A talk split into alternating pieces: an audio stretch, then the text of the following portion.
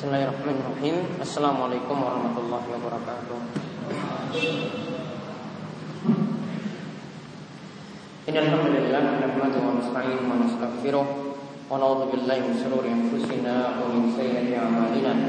Man yahdihillahu fala mudilla lahu Wa man yudlil fala hadiya lahu. Wa asyhadu an la ilaha illallah Wahdahu la syarika lahu Wa asyhadu anna Muhammadan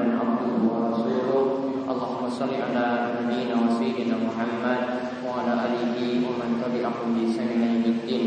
Allahumma anfa'na bima 'allamtana wa 'allimna ma yanfa'una wa zidna ilma. Ikhwan waqad fillah rahimani wa rahimakumullah. Alhamdulillah pada kesempatan malam hari ini kita kembali dipermudah oleh Allah Subhanahu wa taala untuk duduk di majelis yang mulia dan kita akan melanjutkan pembahasan kita dari kitab Riyadhus Shalihin karya ulama besar kita yaitu Imam Nawawi rahimahullah. Kita sudah masuk pada pembahasan kitab Iyadatul Marid itu tentang masalah mengunjungi orang sakit dan kali ini setelah kita membahas keutamaan menjenguk orang sakit kita melihat kembali beberapa doa yang dibaca atau yang dituntunkan ketika kita menjenguk orang sakit. Beberapa doa yang dituntunkan ketika kita menjenguk orang sakit. Kita lihat uh, sebelumnya yaitu doa yang sudah kita bahas ada dua macam doa yaitu yang pertama pada hadis nomor 902 dari Aisyah radhiyallahu anha bahwasanya ketika ada luka atau ada sesuatu yang sakit maka Nabi SAW berisyarat dengan jarinya. Lalu beliau menyentuh tanah kemudian mengangkatnya sambil meludah pada tangannya tersebut. Ya tangannya tadi yang mengenai tanah. Kemudian beliau membaca Bismillah Turbatu arwadina Biriqati ba'dina Yushfa bihi saqimuna Bi ismi rabbina. Dengan nama Allah Turbatu ardina Dengan Tanah Bumi kita ini Dengan air liur Air liur di sebagian kita. Yushfa bihi disembuhkan dengannya sakimuna orang yang sakit di antara kita biizni rabbina dengan izin dari Rabb kita yaitu Allah Subhanahu wa taala.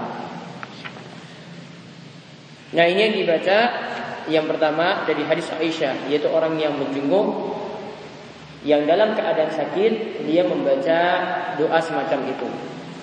Kemudian yang kedua ketika menjenguk orang sakit Misalnya di antara kerabat yang sakit maka diperintahkan bagi kita untuk sah mengusap dengan tangan kanan kita pada orang yang sakit. Kemudian sambil kita berdoa Allahumma rabban nasi adhibil ba'sa ishfi anta syafi la shifaa illa shifauka shifaan la yughadiru saqaman. Allahumma rabban nasi ya Rabb. Tuhan ya Allah Tuhan manusia. Rabb manusia. Adhibil ba'sa hilangkanlah penyakit ya atau kesulitan yang diderita ini. Ishfi antasyafi sembuhkanlah karena engkau lah ya Allah yang maha menyembuhkan. La shifaa illa shifauka tidak ada yang dapat menyembuhkan kecuali engkau. Syifaan la yughadiru saqaman. Mudah-mudahan ini diberikan kesembuhan dengan izinmu tanpa meninggalkan bekas sakit sedikit pun. Kemudian doa yang mirip pula disebutkan dalam hadis dari Anas. Kalau tadi adalah ya hadis dari Aisyah. Ya, hadis dari Anas juga dijelaskan bacaan ruqyah yaitu hampir mirip dengan bacaan yang diajarkan oleh Aisyah tadi dari hadis Aisyah tadi yaitu isi doanya adalah Allahumma rabban nasi muzhib muzhibal ba'si ishfi anta syafi la syafi'a illa anta shifaan la yughadiru saqaman dua ini juga bisa diajarkan atau kita amalkan ketika kita menjenguk orang sakit. Kita mendoakan mereka dengan doa semacam itu.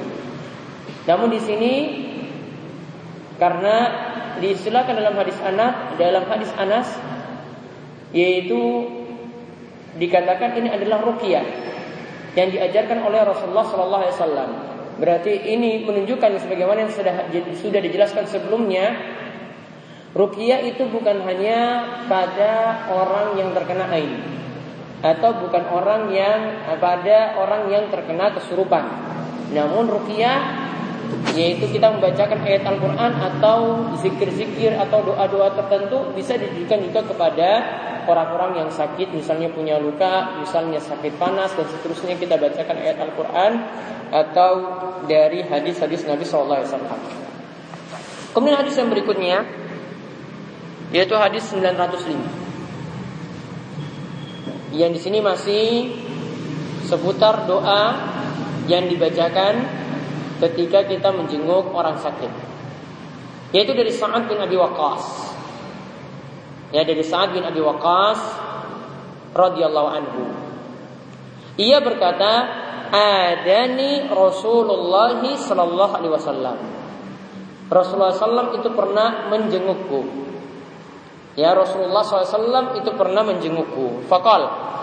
Maka ketika beliau menjengukku, beliau mengatakan, Allahumma ishfi sa'dan. Beliau ulangi lagi, Allahumma ishfi sa'dan. Beliau ulangi lagi yang ketiga kalinya, Allahumma ishfi sa'dan. Ya Allah, sembuhkanlah saat. Ya Allah, sembuhkanlah saat. Ya Allah, sembuhkanlah saat. Hadis ini riwayat Muslim diriwayatkan oleh Imam Muslim. Hadis ini menunjukkan beberapa faedah. Yang pertama yaitu tentang perintah untuk menjenguk orang sakit. Ya, perintah untuk menjenguk orang sakit. Kemudian faedah yang kedua, hadis ini menunjukkan keutamaan Sa'ad bin Abi Waqqas. Karena ketika itu dia dijenguk langsung oleh baginda Nabi Shallallahu Alaihi Wasallam. Ini menunjukkan kemuliaannya. Sama seperti orang yang punya kedudukan mulia misalnya, ya seorang kepala daerah. Ketika ada orang yang dia kunjungi, ini menunjukkan bahwasanya orang tersebut sangat dia hormati. Berarti orang yang dikunjungi tadi ini punya kemuliaan. Sama seperti ketika itu Nabi SAW menjenguk Sa'ad bin Abi Waqqas. Ini menunjukkan keutamaan dari Sa'ad bin Abi Waqqas itu sendiri. Kemudian faedah yang ketiga perintah untuk mendoakan si mayit, eh, maaf, perintah untuk mendoakan orang yang sakit. Ketika kita menjenguknya, maka kita diperintahkan untuk mendoakan kesembuhan bagi orang yang sakit tersebut. Kalau kita lihat di sini lafaznya yang diajarkan oleh Nabi SAW, Allahumma ishfi sa'adan. Ya Allah sembuhkanlah si saat. Ya. ya Allah sembuhkanlah si saat. Atau kita ganti dengan lafaz yang lainnya uh, dengan nama yang lain yang kita gunakan. Misalnya yang sakit Muhammad Allahumma ishfi Muhammad. Allahumma ishfi Muhammad. Ya Allah sembuhkanlah Muhammad. Jadi ada doa yang diajarkan ketika itu. Kemudian faedah yang lainnya lagi di sini menunjukkan bagaimana tawadhu Nabi Shallallahu Alaihi Wasallam Ya, bagaimana tawaduk dari Nabi Shallallahu Alaihi Wasallam? Karena sahabatnya sendiri dia kunjungi, tanpa memandang kalau beliau punya kedudukan lebih tinggi daripada si saat. Ya, ini menunjukkan tawaduknya Nabi SAW rendah, hatinya Nabi SAW tidak merasa dirinya itu lebih istimewa daripada orang lain. Padahal beliau adalah seorang Nabi, seorang Rasul. Namun untuk masalah menjenguk tetap beliau praktekkan pada orang lain itu sama. Artinya beliau ingin posisinya sama seperti orang yang lainnya. Kemudian hadis yang berikutnya. Hadis dari Abu Abdullah Utsman bin Abil As. Abu Abdullah Utsman bin Abil As. Kunyahnya Abu Abdullah.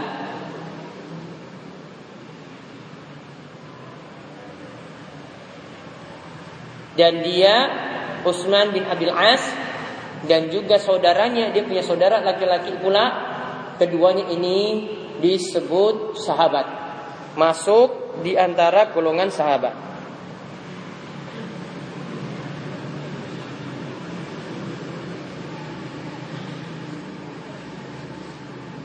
Utsman ini annahu syaka ila Rasulullah sallam waja'an.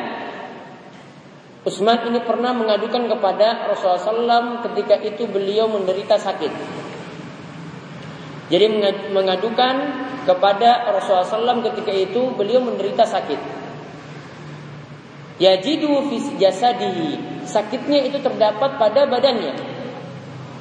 Maka fakolah Rasulullah SAW Rasulullah SAW itu mengatakan kepadanya Ini Kalau Rasulullah SAW mengatakan kepadanya Ini berarti ada sesuatu yang Akan diperintahkan Rasulullah SAW Untuk ya Utsman bin Abil As tadi Da'iyadaka alallazi ya'lam min jasadika. Letakkanlah tanganmu pada anggota badan yang engkau merasa sakit.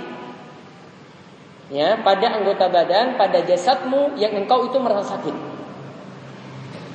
Jadi misalnya di tangannya ini yang sakit maka letakkan tanganmu ini pada anggota badanmu tersebut. Diletakkan. Ya, misalnya lengannya ini sakit maka diletakkan pada anggota badan tersebut. Wakul dan ucapkanlah. Berarti ini orang yang jenguk suruh orang yang sakit baca doa ini.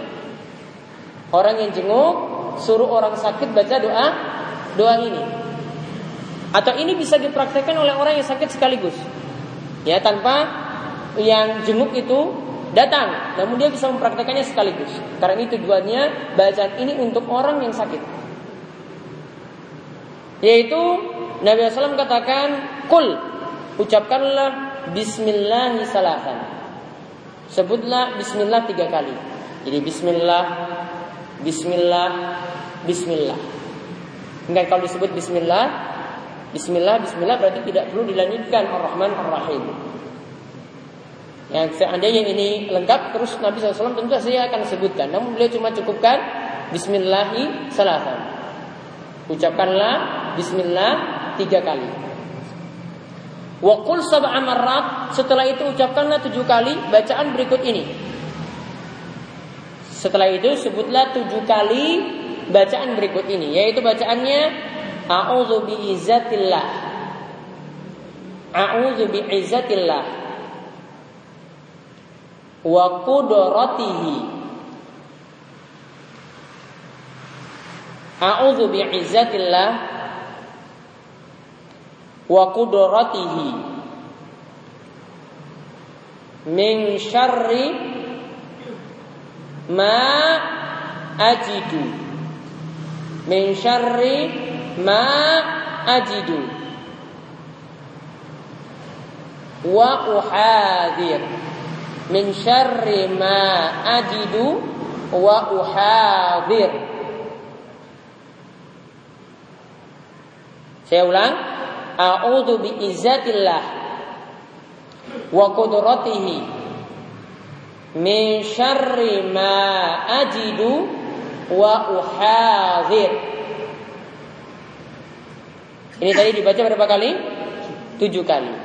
Jadi kita sebut dulu Bismillah, Bismillah, Bismillah. A'udzu a'udzu biizzatillah wa qudratihi min syarri ma ajidu wa uhadi. Diulang lagi. Orang yang sakit yang mengucapkan ya, orang yang sakit yang mengucapkan. Ya, bismillah ya, dia dia ulangi lagi tujuh, ini sampai tujuh kali. A'udzu bi izzatillah wa qudratihi min syarri ma ajidu wa uhadi. Diulang lagi yang ketiga. Ya, a'udzu bi izzatillah wa qudratihi min syarri ma ajidu wa uhadi sampai tujuh kali. Hadis ini riwayat Muslim diriwayatkan oleh Imam Muslim.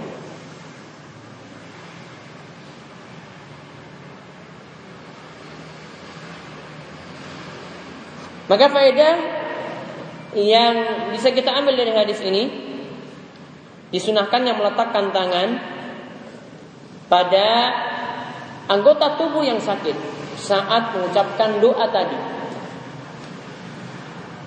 Disunahkan meletakkan tangan pada anggota tubuh yang sakit saat mengucapkan doa tadi.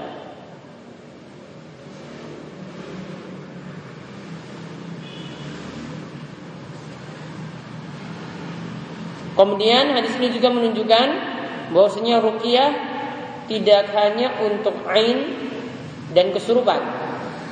Namun ruqyah bisa juga digunakan untuk mengobati badan yang sakit.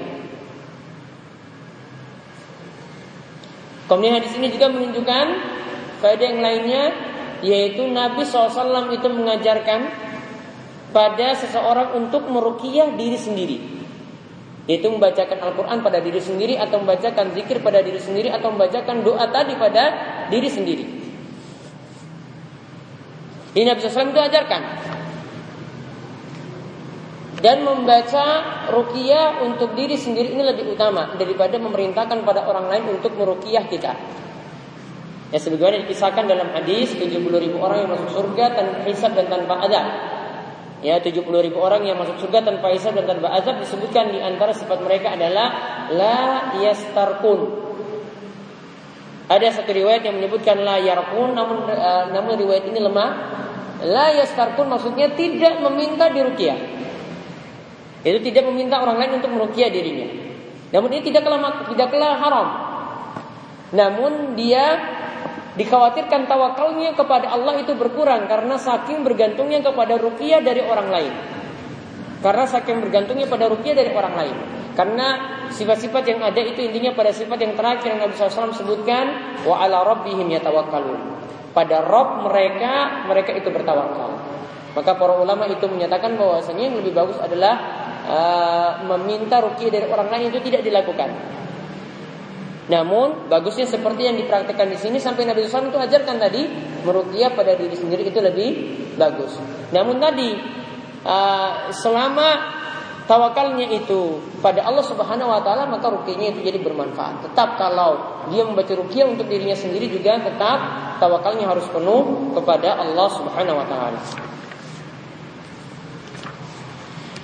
Kemudian yang berikutnya lagi yaitu hadis nomor 907 dari sahabat Ibnu Abbas. Ini juga masih tentang bacaan doa ketika menjenguk orang sakit. Itu dari Ibnu Abbas radhiyallahu anhu dari Nabi sallallahu alaihi wasallam beliau bersabda, "Man 'ada maridan lam yahdurhu ajaluhu faqala indahu sab'a marrat" yaitu siapa yang menjenguk orang sakit yang di mana orang sakit ini belum datang kepada dirinya ajal, yaitu belum sampai mati. Maka ia mengatakan di sampingnya sab'a amarat sebanyak tujuh kali. Yaitu bacaan berikut ini. Ini juga bacaannya tujuh kali. Sama dengan tadi, bi'izzatillahi wa qudratihi min syarri ma wa. Bacaan ini juga tujuh kali. Yaitu bacaannya As'alullah al-azim أسأل الله العظيم. أسأل الله العظيم. رب الأرش العظيم. رب الأرش العظيم. أي يشفيك. أي يشفيك. أي يشفيك. Ya ayyashfiyak. Karena ada an di situ. Ayyashfiyak. Pakai kak terakhir dimatikan. Disukunkan. As'allah al-azim rabbal arshil azim. Ayyashfiyak. Dibaca tujuh kali. Ingat ya ini dibaca ketika seseorang menjenguk orang sakit. Jadi dia berdoa pada Allah as'allah al-azim Rabbal arshil azim ayyashfiyaka Aku mohon kepadamu ya Allah yang maha agung Rob dari arsy yang maha agung, yang maha besar. Semoga Allah itu menyembuhkan. Semoga Allah itu menyembuhkan.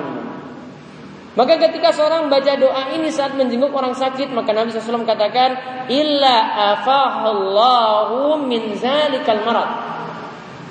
Kalau dia membaca doa itu, melainkan Allah itu akan memberikan kesembuhan dari penyakit tersebut. Allah akan memberikan kesembuhan dari penyakit tersebut. Karena dia meminta pada Allah supaya orang yang sakit itu disembuhkan. Hadis ini diriwayatkan oleh Abu Dawud dan Tirmizi dan hadisnya dikatakan oleh yang Tirmizi hadis yang hasan. Wa qala al-Hakim hadisun sahihun ala syaratil Bukhari. Dan Imam Al-Hakim mengatakan bahwasanya hadis ini sahih sesuai dengan syarat Bukhari. Maka di sini menunjukkan faedah membaca doa tadi yaitu as'alallahul azim rabbal arsyil azim ayyashfiyah. Keutamaannya tadi Allah akan memberikan kesembuhan dari penyakit tersebut. Allah akan memberikan kesembuhan dari penyakit tersebut. Namun ingat ini uh, ketika kita memahami dalil-dalil yang mengatakan bahwasanya Allah akan menjanjikan demikian dan demikian, dia akan disembuhkan. Kemudian kalau kita baca zikir ini kita akan diselamatkan dari suatu bahaya. Kita akan diberikan kesehatan macam-macam ya. Beberapa hadis menunjukkan fadilah fadilah seperti itu. Maka perlu dipahami bahwasanya ini bisa ampuh, bisa mujarab. Yang pertama itu kalau melakukannya sesuai dengan tuntunan. Artinya jangan tambah suatu ritual-ritual yang tidak diajarkan oleh Nabi Shallallahu Alaihi Wasallam. Cukup baca saja tanpa pakai ritual-ritual khusus, maka nanti ampuh dengan izin Allah. Kemudian yang kedua, orang ketika membacanya harus dengan penuh keyakinan dan tidak lalai. Artinya hadir, hatinya juga hadir. Sama seperti kita itu berdoa. Ya namanya doa itu bisa bermanfaat, itu dipanjatkan oleh orang yang tidak lalai. Ya, oleh orang yang tidak lalai. Kalau dia memanjatkan doa, dia tidak tahu apa yang dia itu panjatkan, maka sangat sulit sekali doa tersebut bisa dikabulkan. Sehingga dikatakan oleh para ulama, orang yang berdoa namun tidak paham, itu seperti orang yang minum obat, tidak tahu obat yang diminum itu obat apa. Ya, orang yang berdoa tidak tahu atau tidak paham isi doanya, maka itu seperti orang yang minum obat dan tidak tahu dia minum obat apa. Jangan-jangan salah minum obat.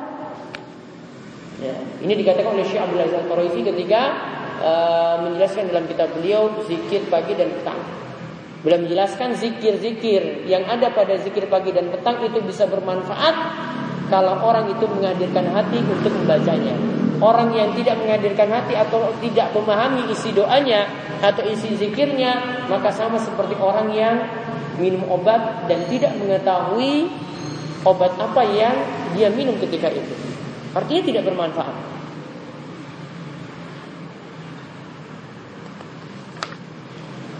Kemudian hadis ini juga menunjukkan keutamaan secara umum mengunjungi orang sakit.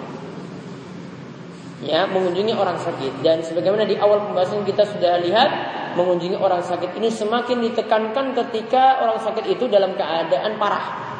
Semakin parah maka kita semakin dituntut untuk menjenguknya dan hukumnya adalah fardu kifayah. Artinya sebagian orang itu harus ada yang menjenguknya, jangan sampai tidak ada sama sekali yang menjenguk orang sakit tersebut.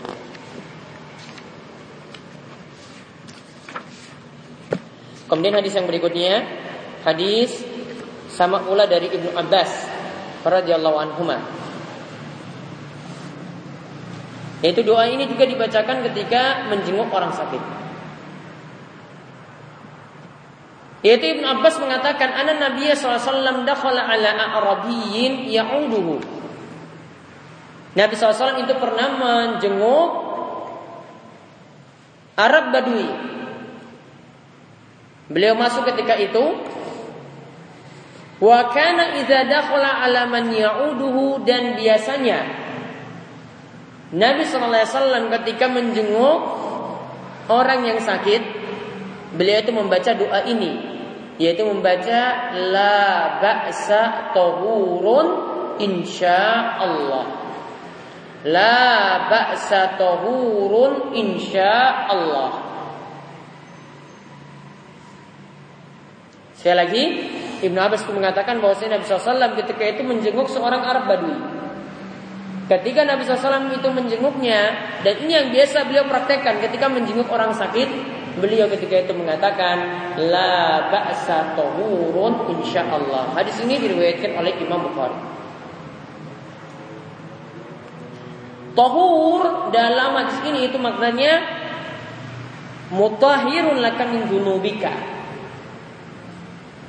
Yaitu membersihkan dosa-dosa yang ada padamu.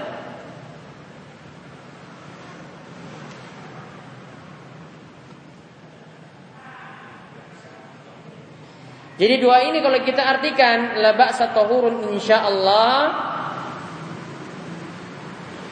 yaitu maksudnya di sini dikatakan oleh para ulama la ba'sa 'alaika mimma tajidu. Tidak perlu khawatir penyakit yang menimpamu saat ini. Bal yukaffirullahu bihi dzunubaka. Summa yafraju 'anka fayatba'u lakal ajal. Ya, tidak perlu khawatir dengan penyakit yang menimpamu saat ini karena Allah akan mengampuni dosa-dosamu. Karena Allah akan mengampuni dosa-dosamu Setelah itu Allah akan memberikanmu juga pahala Allah akan mengampuni dosa-dosamu dan juga akan memberikanmu pahala. Kalau la ba'sa itu diartikan tidaklah mengapa. Tahur tadi membersihkan dosamu. Insya Allah dengan kehendak Allah Subhanahu wa taala, sesuai dengan kehendak Allah Subhanahu wa taala.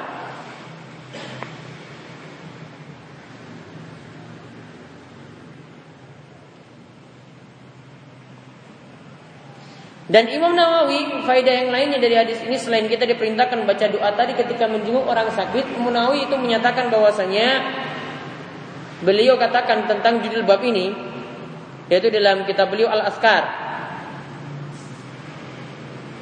Disunahkan tatyibu nafsil marid.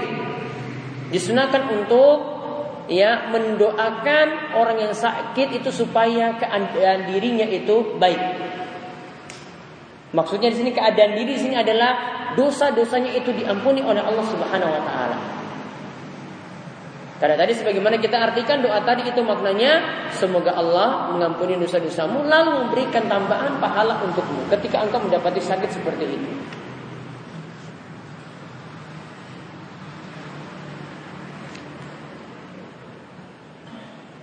Kemudian Bacaan yang berikutnya disebutkan dalam hadis 909 dari Abu Sa'id Al-Khudri. Bahwasanya anna Jibril atan Nabi sallallahu alaihi wasallam. Pernah Jibril mendatangi Nabi sallallahu alaihi wasallam faqal. Lalu Nabi lalu Jibril itu mengatakan kepada Nabi Muhammad sallallahu alaihi wasallam, "Ya Muhammad, ishtaqaita. Wahai Muhammad Ishtakaita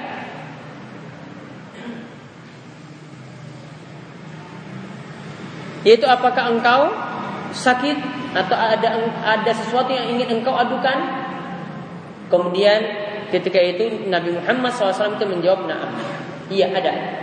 Yaitu aku ada, ada menderita sesuatu sakit. Maka ketika itu Jibril itu membacakan ya doa dan ini juga bisa kita bacakan kepada orang yang kita jenguk saat dia itu sakit yaitu bacaan bismillahi arqika min kulli syai'in yu'dzika min syarri kulli nafsin aw ainin hasidin. Allahu yashfika bismillahi urqika saya ulang saya tuntun bismillahi urqika jadi kata rukia ya. Bismillahi urkika. Min kulli syai'in yu'dzika.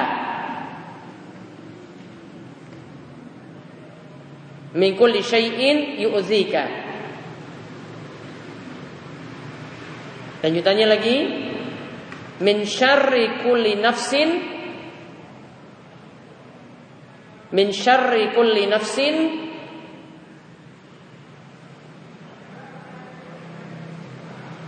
aw aini hasidin. Aw aini hasidin.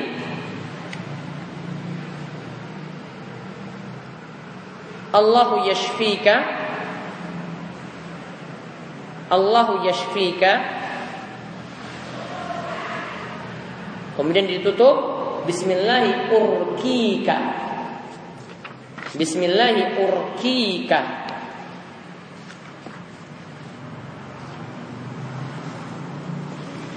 Saya ulang Bismillahi urkika Min kulli syai'in yu'zika Min syarri kulli nafsin Au ainin au aini hasidin.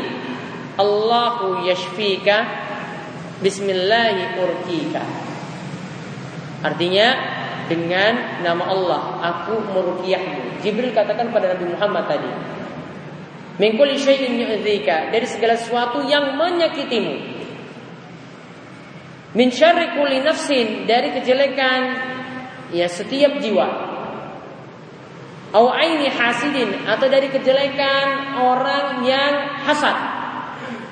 Allahu yashfika, ya Allah sembuhkanlah engkau.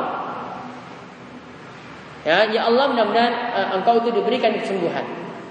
Bismillahirrahmanirrahim dengan nama Allah aku meruqyahmu. Dengan nama Allah aku meruqyahmu. Lihat ini Jibril mengatakan kepada Nabi SAW bacaan ini. Ketika Nabi SAW itu mengadukan bahwasanya ketika itu dia sakit. Hadis ini ruah Muslim diriwayatkan oleh Imam Muslim. Maka hadis ini menunjukkan faedah yang pertama tadi disunahkannya bacaan tadi ketika kita menjenguk orang sakit. Disunahkan bacaan tadi Bismillahirrahmanirrahim min kulli syai'in min kulli nafsin aw 'aini hasidin Allahu yashfika Bismillahirrahmanirrahim disunahkan untuk membaca bacaan tadi ketika menjenguk orang sakit.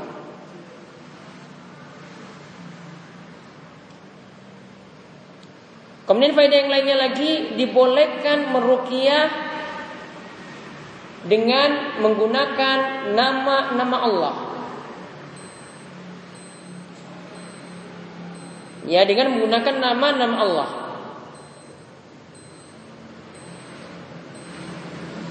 Karena disebutkan dalam hadis ini Bismillah dengan nama Allah.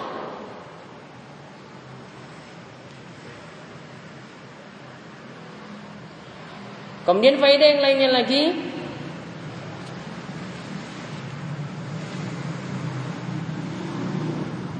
bahwasanya merukia orang lain itu tidak menafikan tawakal. Merukia orang lain itu tidak menafikan tawakal. Bahkan tawakal itu adalah melakukan sebab dan menggantungkan hati pada Allah. Jadi tetap kita lakukan sebab tadi. Jadi cuma tidak jangan cuma pasrah, wah saya sakit ya sakit saja. Namun ada sebab yang dilakukan supaya bisa sembuh. Maka rukia atau tadi bacaan-bacaan tadi yang kita sebutkan tadi ini semuanya menunjukkan bahwasanya sebab itu tetap kita lakukan. Jangan cuma berprinsip untuk tawakal saja. Bahkan tawakal yang benar jika melakukan dua hal, yaitu lakukan sebab, kemudian menggantungkan hati atau ya menyandarkan hati kepada Allah Subhanahu wa taala. Kemudian di sini juga menunjukkan bahwasanya kita harus yakin Allah yang menyembuhkan penyakit. Kita harus yakin bahwasanya Allah yang menyembuhkan penyakit. Dan hadis ini juga menunjukkan tingkah laku orang yang hasad itu bahaya atau suatu kejelekan. Tingkah laku orang yang hasad itu bahaya. Dan yang namanya hasad sebagaimana kata Ibnu Taimiyah, yang namanya hasad itu adalah iradatu izalatin nikmah li yaitu menginginkan nikmat orang lain itu hilang. Walaupun nikmat tadi tidak berpindah ya menginginkan nikmat yang ada pada orang lain itu hilang meskipun nikmat tadi tidak berpindah. Ada orang lain mendapat HP baru misalnya. Ya, kemudian dia dalam batinnya sudah punya keinginan atau membenci. Ya Allah, ini mudah-mudahan HP-nya besok itu rusak. Itu sudah disebut hasad. Meskipun HP tadi tidak pindah kepada dirinya. Ya, meskipun HP tadi tidak pindah pada dirinya. Dan dari hasad ini nanti lama-lama muncul permusuhan. Dia sedikit dapat apa tidak suka, sedikit dapat apa lagi tidak suka. Ya, sampai bisa tukaran, bisa berkelahi dan seterusnya. Awalnya itu semula itu dari sifat hasad.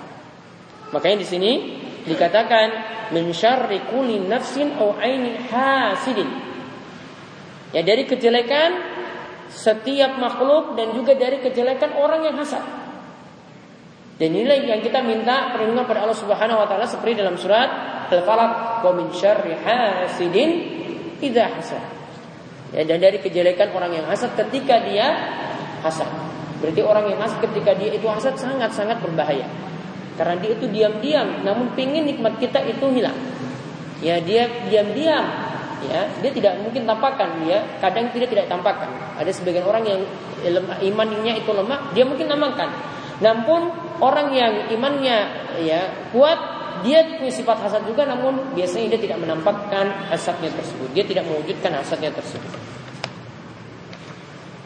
Nah, itu saya yang kita sampaikan untuk pertemuan kali ini. Ya masih ada satu bacaan lagi. Insya Allah akan kita lihat pada pertemuan berikutnya. Sebelum kami tutup ada pertanyaan? Oke. Orang asaf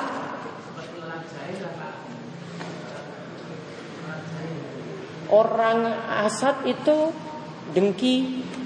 Ya dia itu dengki. Kita itu artikan itu dengki. Namun sebenarnya uh, itu cuma pendekatan saja istilah. Namun hasad itu lebih daripada itu. Hasad itu sampai menginginkan nikmat orang lain itu hilang. Kalau dengki mungkin cuma tidak suka saja. Ini menginginkan oh, nikmat itu hilang. Itu namanya hasad. Ada yang dapat HP baru, ada yang dapat motor baru, wah langsung di batin saya sudah gak suka. Itu namanya hasad. Ya, inilah yang mesti dihilangkan. Dihilangkan dengan tawakal, dihilangkan dengan takwa, dihilangkan dengan ilmu, ya. Bahkan kalau orang yang punya sifat hasad itu dia hilangkan lagi dengan dia lakukan yang sebaliknya. Dia ingin nikmat lain orang lain itu hilang, maka lakukan sebaliknya. Wah, saya ingin motor atau HP saudara saya itu tetap ada. Jangan sampai hilang atau dia doakan kebaikan. Itu namanya hasad. Ada lagi? Ya. Kalau dengki kata suatu ini dengki ketika orang lain juga sudah melakukan keburukan, itu boleh misalnya ada orang misalnya mau berusaha dengan ketahuan, jadi nikmat kerjanya nggak mendapat nikmat dekat itu itu boleh. Itu bukan nikmat nyontek musibah nyontek itu berarti. Kita itu bukan itu bukan menginginkan nikmat orang lain hilang itu bukan nikmat. Ya kita kita pingin nikmat tadi itu bukan nikmat. Yang jelas itu bukan nikmat. Jadi keinginan yang benar adalah kita pingin supaya saudara kita itu tidak nyontek lagi. Ya supaya saudara kita tidak nyontek lagi. Kalau ada keinginan seperti ini ini keinginan yang baik Ya, ini ini adalah keinginan yang baik supaya saudara kita tidak dalam maksiat. Intinya ini berlaku untuk maksiat yang lainnya. Ya, dan nyontek itu suatu maksiat. Kalau ada yang seperti itu ya kalau bisa dilaporkan kepada yang berwenang untuk menindak orang tersebut. Ya, biar dia itu kapok dan itu adalah kebaikan untuk lagi. Ya. Kalau kita masih merasa tapi merasa tadi adalah agamanya Islam itu apakah kita